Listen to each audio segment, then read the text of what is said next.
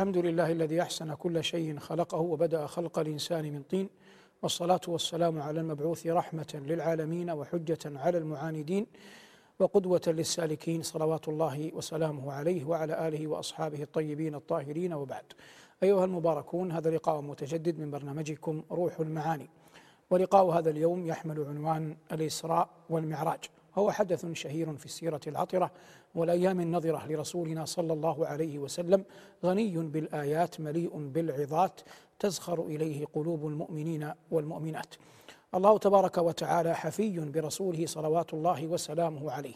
وقد مضت سنة الله جل وعلا في المقربين من خلقه أن يؤتيهم جل وعلا من عظيم الآيات وجليل العطايا ما يجعلهم أكثر رسوخا وثباتا. قال ربنا ولولا أن ثبتناك لقد كدت تركن إليهم شيئا قليلا وقال جل وعلا عن الخليل إبراهيم وكذلك نري إبراهيم ملكوت السماوات والأرض وليكون من الموقنين نبينا صلى الله عليه وسلم أعظم الأنبياء قدرا فكان حقا أن ينال عليه السلام من عظيم الآيات والعظات ما يجعله أكثر ثباتا على دعوته خاصة قبل هجرته صلوات الله وسلامه عليه إلى المدينة. ذهب إلى الطائف يدعو أهلها والطائف مكان مرتفع ومعه غلام له يقال له زيد بن حارثة. لكن الله جل وعلا لم يرد بأهل الطائف آنذاك نوعا من الكرامة فصده أهلها وسخروا منه. وعاد عليه الصلاة والسلام فدخل مكة في جوار المطعم بن عدي. كان قبل ذلك قد فقد عليه الصلاة والسلام نصيرا ظاهريا هو عمه أبا طالب ونصيرا داخل الدار هي زوجته المباركة الصديقة خديجة بنت خويلد رضوان الله تعالى عليها. في غمرة هذا كله أسري به إلى المسجد الأقصى وعرج به إلى سدرة المنتهى. انشق سقف البيت أو فرج سقف البيت. لدلالة أن الهبوط والنزول نزولا غير عادي ثم شق الصدر الشريف وأخرج القلب وغسل في طست من ذهب لأن الوحي ثقيل. الله يقول إنا سنلقي عليك قولا ثقيلا والذهب ثقيل حتى يكون شيء من التلاؤم. كما زيد عليه أن الذهب أعظم آنية أهل الجنة. فلهذا غسل صلى الله عليه وسلم صدره في طست أو من إناء من ذهب. وملئ هذا القلب إيمانا وحكمة لأن الإيمان إذا قرن بالحكمة كان صاحبهما أهدى سبيلا وأقوم طريقا. ثم أعيد القلب إلى مكانه وظهر أثر المخيط على صدره المبارك الشريف صلوات الله وسلامه عليه. معه جبريل قدمت له دابة يقال لها البراق. هذا البراق كأنه امتنع. كأنه شمس. شمس بمعنى نفر. العرب تقول شمس العداوة حتى يستقاد لهم وأعظم الناس أحلاما إذا قدروا. فقال جبرائيل للدابة للبراق ما يمنعك؟ والله لن ولم يركبك أحد من الخلق أكرم على الله من محمد. صلوات الله وسلامه عليه. وهذا يدل على أن البراق قد ركبه كثير من الأنبياء قبله. ثم أسري به صلى الله عليه وسلم إلى المسجد الأقصى. قال أصدق القائلين سبحان الذي أسرى بعبده ليلا. فلأن الأمر عظيم. بدأه جل وعلا بقوله سبحان وهو مفعول مطلق ملازم للإضافة لا يخاطب به إلا الرب جل وعلا. فلا يقال لغير الله سبحانك. ولهذا من تسبيح الله أن يقال سبحان من لا يقال لغيره سبحانك. قال ربنا الذي أسرع مع أنه معروف في اللغة أن السورة لا يكون إلا ليلة لكن جيء بليل بكلمة ليلا لنكتة بلاغية والمعنى ليل وأي ليل لاقى فيها المحب حبيبه وأكرم الله فيها نبيه. هذا على وجه وعلى وجه آخر على أنها برهة من الليل تم فيها هذا الحدث العظيم والشرف الجليل لرسولنا صلى الله عليه وسلم. أتى نبينا عليه السلام المسجد الأقصى. والمسجد الأقصى بني بعد المسجد الحرام بأربعين عاما. قال أبو ذر رضي الله تعالى عنه كما في الصحيحين سألت رسول الله صلى الله عليه وسلم أي بيت بني في الأرض أول؟ قال المسجد الحرام. قلت ثم أي؟ قال المسجد الأقصى. قلت كم بينهما؟ قال أربعون سنة. فدخله صلى الله عليه وسلم. ودلت بعض الروايات على أنه دخل فصلى ركعتين. ثم أقيمت الصلاة. والله أعلم أي صلاة كانت. ثم قدمه جبرائيل. فتقدم عليه السلام وهو أصغرهم سنا وآخرهم ظهورا ولا يوجد مقام أعظم من من المقام المحراب في المساجد. ومع ذلك تقدم صلى الله عليه وسلم ليعلم علو كعبه وشرف مكانته وجليل قدره عند ربه صلى الله عليه وسلم فصلى بالنبيين إماما. ثم عرج به إلى سدرة المنتهى. الآن البراق انتهى دوره. فالبراق إنما كان دابة للإسراء من المسجد الحرام إلى المسجد الأقصى. قال ربنا الذي باركنا حوله فأرض الشام أرض مباركة والبركة حيث يضعها الله حيث يضعها الله. قد تكون في الذوات قد تكون في أشخاص قد تكون في أمكنة قد تكون في أزمنة. فمثلا السائب بن يزيد رضي الله تعالى عنه وأرضاه هذا صحابي كان في زمن النبوة صغيرا وعمر حتى جاوز التسعين سنة فكان له لديه مولى يخدمه. فهذا المولى رأى أن شعر السائب رضي الله عنه أبيض كله ولحيته بيضاء وعارضاه بيضاوان إلا أن من هامته إلى مقدمة رأسه أسود لا يعتريه شعر أبيض. فسأله أي سأل المولى السائب بن يزيد فقال يا ابن أخي إنني كنت ألعب مع الصبيان فلقيني النبي صلى الله عليه وسلم فسألني عن اسمي فقلت له السائب فوضع يده الطاهرة الشريفة على رأسي وقال لي بارك الله فيك. فما لامست يده صلى الله عليه وسلم من رأسي لم يشب ولم يكن فيه شيء أبيض. ما بقي من شعري يعتريه ما يعتري الناس. فهذا نوع من البركة. والله جل وعلا سمى بيته الطاهر ماء بيتا مباركا.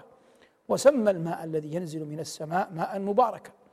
وقال عليه الصلاة والسلام عن وادي العقيق أتاني آت من ربي فأمرني أن أصلي ركعتين في هذا الوادي المبارك. وقال جل وعلا عن المسجد الأقصى الذي باركنا حوله فأسري به صلى الله عليه وسلم إلى المسجد الأقصى وصلى بالنبيين إماما كما مر معنا وهذا كله الإسراء. ثم عرج به صلى الله عليه وسلم إلى سدرة المنتهى وقلنا البراق انتهى الآن. رافقه جبرائيل. فكأن السماء عوض عن الطائف وكأن جبرائيل عوض عن من؟ عن زيد. والله جل وعلا جعل للخلق والكون نواميس وأشياء لا تتبدل ولا تتغير مهما كان حال القادم. فالسماء يقول عنها ربنا وجعلنا السماء سقفا محفوظا جعل لها خزنة جعل لها أبواب. وهؤلاء الذين على الأبواب مؤتمنون وجبرائيل يعرف هذا فطرق الباب. سماء الدنيا. قال له الخازن من أنت؟ قال أنا جبريل. فالخازن يستفهم أو معك أحد؟ قال نعم معي محمد. فكأن أهل السماء قبل ذلك كانوا يتناشدون فيما بينهم أن نبينا عليه الصلاة والسلام سيبعث. فقال الخازن لجبريل أو قد بعث؟ قال نعم. فلقي عليه الصلاة والسلام أباه آدم رجل طوال وحوله أسودة عن يمينه وشماله. أرواح بنيه أهل الجنة وأهل النار. فقال عليه الصلاة والسلام لجبريل من هذا؟ قال هذا أبوك آدم. فسلم عليه قائلا مرحبا بالإبن الصالح والنبي الصالح. وجبله الإنسان يفرح إذا كان ابنه صالحا. يفرح إذا كان ابنه صالحا. ومن معاني قول الله جل وعلا هب لنا من أزواجنا وذرياتنا قرة أعين إنما تقر عين الوالد إذا رأى ابنه يطيع الله. إذا رأى ابنه يطيع الله. فسلم آدم على نبينا قائلا مرحبا بالابن الصالح والنبي الصالح. ثم جاوزه. جاوزه إلى ابني الخالة عيسى بن مريم ويحيى بن زكريا. ويقال ابن خالة ولا يقال ابن عمة لأنه لا يلزم. ويقال ابن عم لأنه يلزم ولا يقال ابن خال. يقال ابن خالة ولا يقال ابن خال. ويقال ابن عم ولا يقال ابن عمة. لأنه من كنت أنت ابن خالته فهو قطعا ابن خالتك. ومن كنت أنت ابن عمه فهو قطعا ابن عمك. لكن من كنت أنت ابن عمته لا يلزم أن يكون هو ابن عمتك. وكذلك في الخال. فسلم على ابني الخالة يحيى بن زكريا وعيسى بن مريم قائلين له مرحبا. الآن تغير الخطاب. لم يقولا بالابن الصالح لأنهما ليس في عمود نسبه. قال مرحبا بالأخ الصالح والنبي الصالح. ثم جاوزهما حتى لقي يوسف. فقال مرحبا بالأخ الصالح والنبي الصالح. قال عليه الصلاة والسلام فرأيت رجلا أوتي شطر الحسن. وهذا يدل على جمال يوسف وهو مما شاع ذكره. ثم لقي في السماء الرابعة أخاه إدريس. فرحب به قائلا مرحبا بالأخ الصالح والنبي الصالح. وورد في بعض الروايات أن النبي عليه الصلاة والسلام تلا عندها ورفعناه مكانا عليا. ثم لقي في السماء الخامسة هارون وفي السماء السادسة موسى وفي السماء السابعة إبراهيم قد أسند ظهره إلى البيت المعمور. قال عليه الصلاة والسلام وأنا أشبه ولده به وأنا أشبه ولده به. قلت من هذا يا جبريل؟ قال هذا أبوك إبراهيم. فرحب به قائلا مرحبا بالابن الصالح والنبي الصالح لأن إبراهيم في عمود نسبه صلوات الله وسلامه عليه بخلاف من مر معنا من النبيين. يبقى سؤال علمي وهو هؤلاء الصفوة ثمانية آدم ويحيى وعيسى ثلاثة وإدريس ويوسف خمسة وموسى وهارون سبعة والثامن إبراهيم. لما هم دون غيرهم من الأنبياء؟ حاول الإمام السهيلي رحمه الله في الروض الأنف أن يجيب عن هذا. وقال إن آدم يذكر بهجرته فإن آدم ترك الجنة وهبط إلى الأرض. وكذلك النبي صلى الله عليه وسلم كتب عليه أن يترك مكة ويأتي ويأتي المدينة.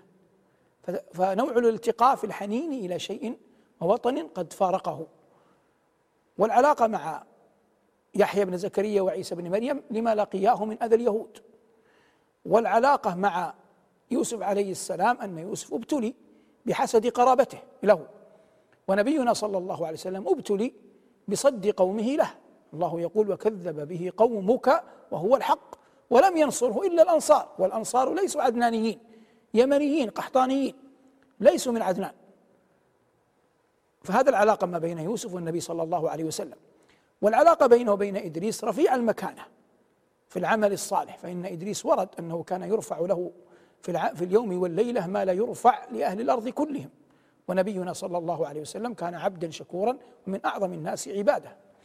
والعلاقة بينه وبين هارون في أن هارون كان محببا في قومه بعد جفاء وكذلك النبي صلى الله عليه وسلم كان محببا في قومه بعد جفاء.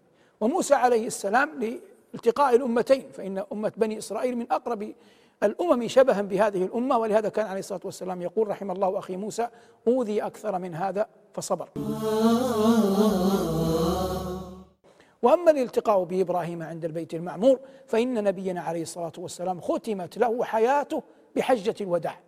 وبعد بثلاثة أشهر قبضت روحه وارتفعت إلى الملكوت الأسنى والمحل الأعلى المحل الأعلى. هذه إجابة الإمام السهيلي رحمه الله في الروض الأنف. لما كان هذا هؤلاء هم الأنبياء الذين لقيهم النبي صلى الله عليه وسلم دون سواهم وقد يوافق في بعضها أو لا يوافق.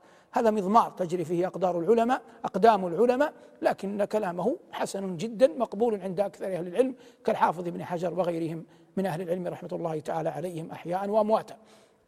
قال عليه الصلاة والسلام لما ذكر إبراهيم وأنا أشبه ولده به. كان إبراهيم قد أسند ظهره إلى البيت المعمور. وهذا يدل على أن الجزاء من جنس العمل. فإبراهيم رفع القواعد من البيت فمكنه الله أن يسند ظهره إلى البيت المعمور.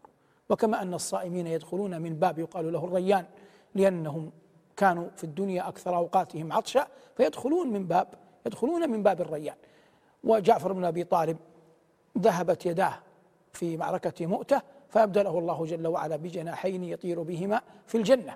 فهذه سنن لا تتبدل ولا ولا تتغير والتعامل مع الرب جل وعلا إنما يتعامل العبد مع رب كريم رحيم غفور ودود تبارك اسمه وجل وجل ثناؤه. ثم إنه عليه السلام أوتي فاتحة الكتاب وخواتيم سورة البقرة وفرضت عليه الصلوات الخمس في ذلك المقام الطاهر الشريف في الملكوت الأعلى والمحل الأسنى.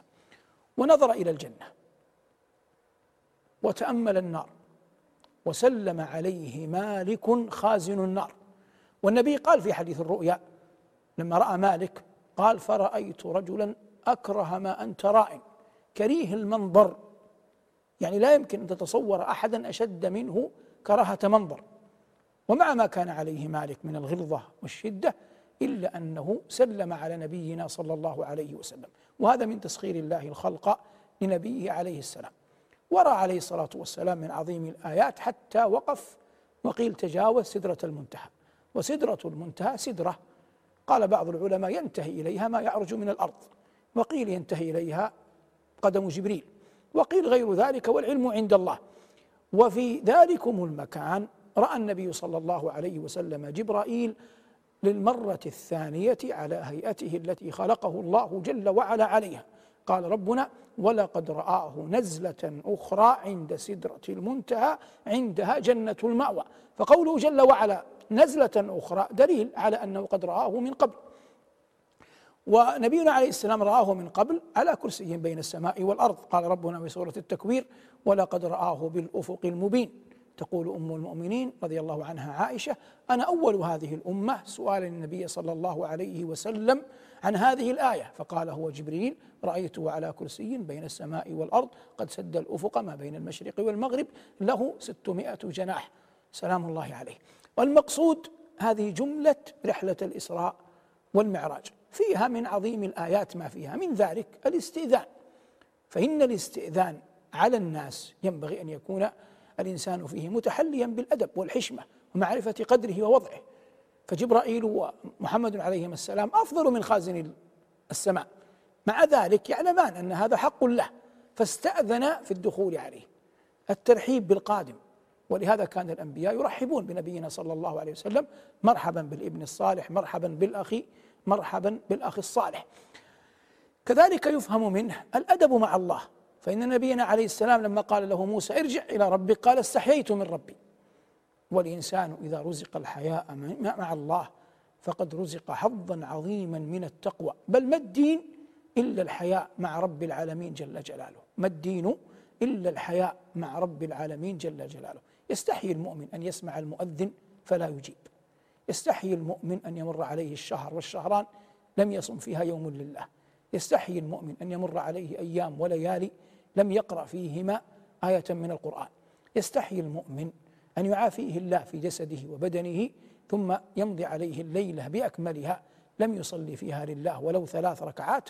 ونبينا يقول أوتروا يا أهل القرآن. هذا كله من صنعه إنما يصنعه حياء من الله جل جلاله. يرى نعمة الله جل وعلا عليه من عافية في بدنه ونفسه وماله ثم يعرض عن تقوى ربه هذا لا يقبله مؤمن في حال حيائه مع ربه تبارك وتعالى. قفل عليه الصلاة والسلام راجعا وأصبح يحدث الناس بما رأى. قال الله تبارك وتعالى وما جعلنا الرؤيا التي أريناك إلا فتنة للناس والشجرة الملعونة في القرآن ونخوفهم فما يزيدهم إلا طغيانا كبيرا فلم تقبل قريش منه ذلك وصدته وردته ويومها أظهر الصديق كما هو معلوم صدق إيمانه وفقهه مع رسول الله صلى الله عليه وسلم حتى عرف عنه عنه أن لقب بالصديق. هذه الحادثة خص الله بها نبيه كرامة له وقد أصبحت موردا ثريا لعلماء المسلمين وحتى لأدبائهم في أن يذكروا فيها كيف من الله على نبيه. والله ذكرها في سورتين عظيمتين في الإسراء وذكرها في سورة النجم.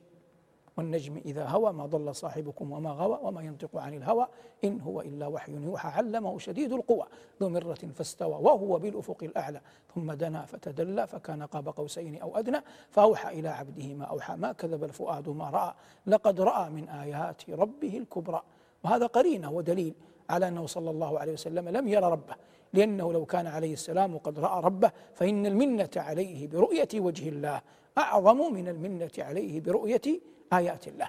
خلد شوقي رحمه الله حادثة الإسراء والمعراج في قصيدتين له في الهمزية وفي الميمية. في الميمية قال ريم على القاع بين الباني والعلم أحل سفك دمي في الأشهر الحرم. رمى القضاء بعيني جؤذر أسدا يا ساكن القاع أدرك ساكن الأجم. لما رنى حدثتني النفس قائلة يا ويح جنبك بالسهم المصيب رمي. جحدتها وكتمت السر في كبدي جرح الأحبة عندي غير ذي ألم. أسرى بك الله ليلا إذ ملائكه. والرسل في المسجد الأقصى على قدمي. لما رأوك به التفوا بسيدهم كالشهب بالبدر أو كالجند بالعلم. صلى وراءك منهم كل ذي خطر. ومن يفز بحبيب الله يأتمم. جبت السماوات أو ما فوقهن دجا على منورة درية اللجم. ركوبة لك من عز ومن شرف. لا في الجياد ولا في الأينق الرسم حتى بلغت سماء لا يطار لها. على جناح ولا يسعى على قدم. وقيل كل نبي عند رتبته. ويا محمد هذا العرش فاستلمي مشيئة الخالق الباري وصنعته وقدرة الله فوق الشك والتهم. هكذا خلد شوقي رحمه الله الإسراء والمعراج في الميمية. في الهمزية قال يا أيها المسرى به شرفا إلى ما لا تنال الشمس والجوزاء. يتساءلون وأنت أطهر هيكل بالروح أم بالهيكل الإسراء. بهما سموت مطهرين كلاهما روح وريحانية وبهاء. تغشى الغيوب من العوالم كلما طويت سماء قلدتك سماء أنت الذي نظم البرية دينه. ماذا يقول وينظم الشعراء؟ المصلحون أصابع جمعت يدا. هي أنت بل أنت اليد البيضاء. صلى عليك الله ما صحب الدجى. حاد وحنت بالفلا وجناء. واستقبل الرضوان في غرفاتهم بجنان عدن آلك السمحاء. صلوات الله وسلامه عليه. هذه حادثة الإسراء والمعراج على وجه الإجمال.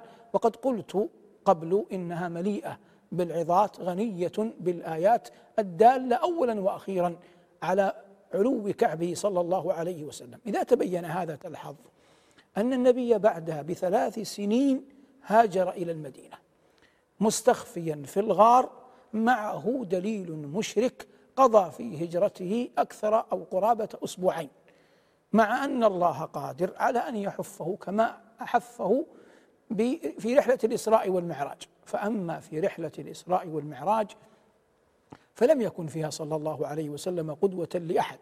هذه كرامة آتاها الله جل وعلا لنبيه تنبئ عن رفيع درجته. أما الهجرة فالناس له فيها تبع يتبعونه فيها. يبتلى المؤمن بدار كفر فيرغب ويؤمر بالهجرة منها. فيكون النبي صلى الله عليه وسلم له فيها أسوة لكن نحن لا يطالب منا شرعا أن يسرى بنا إلى المسجد الأقصى ولا أن نعرج إلى سدرة المنتهى. فما كان النبي فيه قدوة وأسوة تجري عليه أقدار الله ونواميس الكون التي لا تتبدل ولا ولا تتغير. أما ما ما كان خاصا به منقبة له كرامة له صلوات الله وسلامه عليه فتجري فيه الكرامات على ما هي عليه دون أن تكلف الأمة بهذا الأمر. في كون إبراهيم عليه السلام في السماء السابعة دليل على أنه أفضل الخلق بعد رسولنا صلى الله عليه وسلم.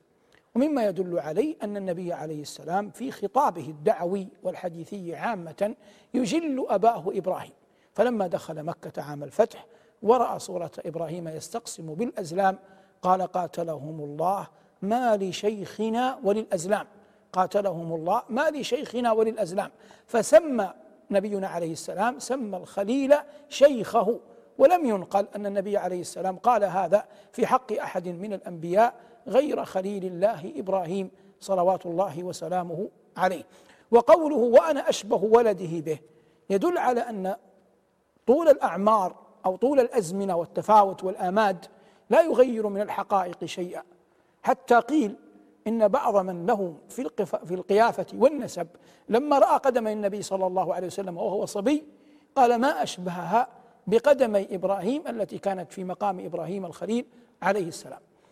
فإن صح هذا فكله يؤيد ما قال يؤيد أو يستأنس به لأن كلام رسول الله صلى الله عليه وسلم فيما صح عنه لا يحتاج إلى تأييد عن قوله عليه السلام عن أبيه إبراهيم وأنا أشبه ولده به. وقد أفاء الله على إبراهيم أن جعل النبوة والكتاب محصورة فيه. قال وجعلنا في ذريته النبوة والكتاب. لكن أحدا من ذرية إبراهيم لم يعطى ما أعطى ما أعطاه الله جل وعلا لرسولنا صلى الله عليه وسلم. فلا يمكن أن يكون الخليل إبراهيم فرحا بأحد من ذريته كفرحه بنبينا صلوات الله وسلامه عليه. لما تفرض الصلاة في في السماء السابعة مع علمنا أن الشريعة كلها جاء بها جبريل وحيا فبلغت والنبي في الأرض. إلا الصلاة بلغت في السماء السابعة نفقه أي فضل للصلاة على سائر العبادات. بل إن الأمر بيسر مطالب الأمور على قدر الوسيلة. والله قال لنبيه ومن الليل فتهجد به نافلة لك عسى أن يبعثك ربك مقاما محمودا. فلا مقام يرجى أعظم من المقام المحمود. فأخبر الله جل وعلا أن الوسيلة إلى المقام المحمود أعظمها صلاة الليل ومن الليل فتهجد به أي بالقرآن. نافلة لك عسى أن يبعثك ربك مقاما محمودا. فيقال عقلا ونقلا ما دون ذلك مما هو مطلوب إنما ينال بعد فضل الله جل وعلا وتوفيقه. وما يهيئه الله جل وعلا لبعض عباده. من الأسباب والله غالب على أمره أن يرزق المرء حظا من صلاة الليل يقبل فيها على ربه ولو ثلاث ركعات يكون في سجوده خاشعا خاضعا لربه. أمن هو ساجد أمن هو قائم آناء الليل ساجدا أمن هو قانت آناء الليل ساجدا وقائما يحذر الآخرة ويرجو رحمة ربه. قل هل يستوي الذين يعلمون والذين لا يعلمون. في صبيحة الإسراء والمعراج في الظهر نزل جبريل يؤم النبي صلى الله عليه وسلم في الصلاة فكانت أول صلاة. صلاها النبي عليه السلام على أنها فريضة هي صلاة الظهر. ولهذا جاء في حديث جابر بن سمرة صليت مع النبي صلى الله عليه وسلم صلاته الأولى. فإذا قيل في الحديث الصلاة الأولى إنما يراد بها صلاة الظهر لأن النبي صلى الله عليه وسلم أول صلاة صلاها خلف جبريل كانت صلاة كانت صلاة الظهر. والله يقول في القرآن أقم الصلاة لدلوك الشمس أي لزوالها. وزوال الشمس هو وقت صلاة الظهر. اجعلني الله وإياكم ممن يوفق في العظات والعبر. ونسأل الله تبارك وتعالى أن يهدينا وإياكم سواء السبيل. هذا ما تيسر إراده وتهيأ إعداده وأعان الله على قوله صلى الله على محمد وآله والحمد لله رب العالمين. السلام عليكم ورحمة الله وبركاته.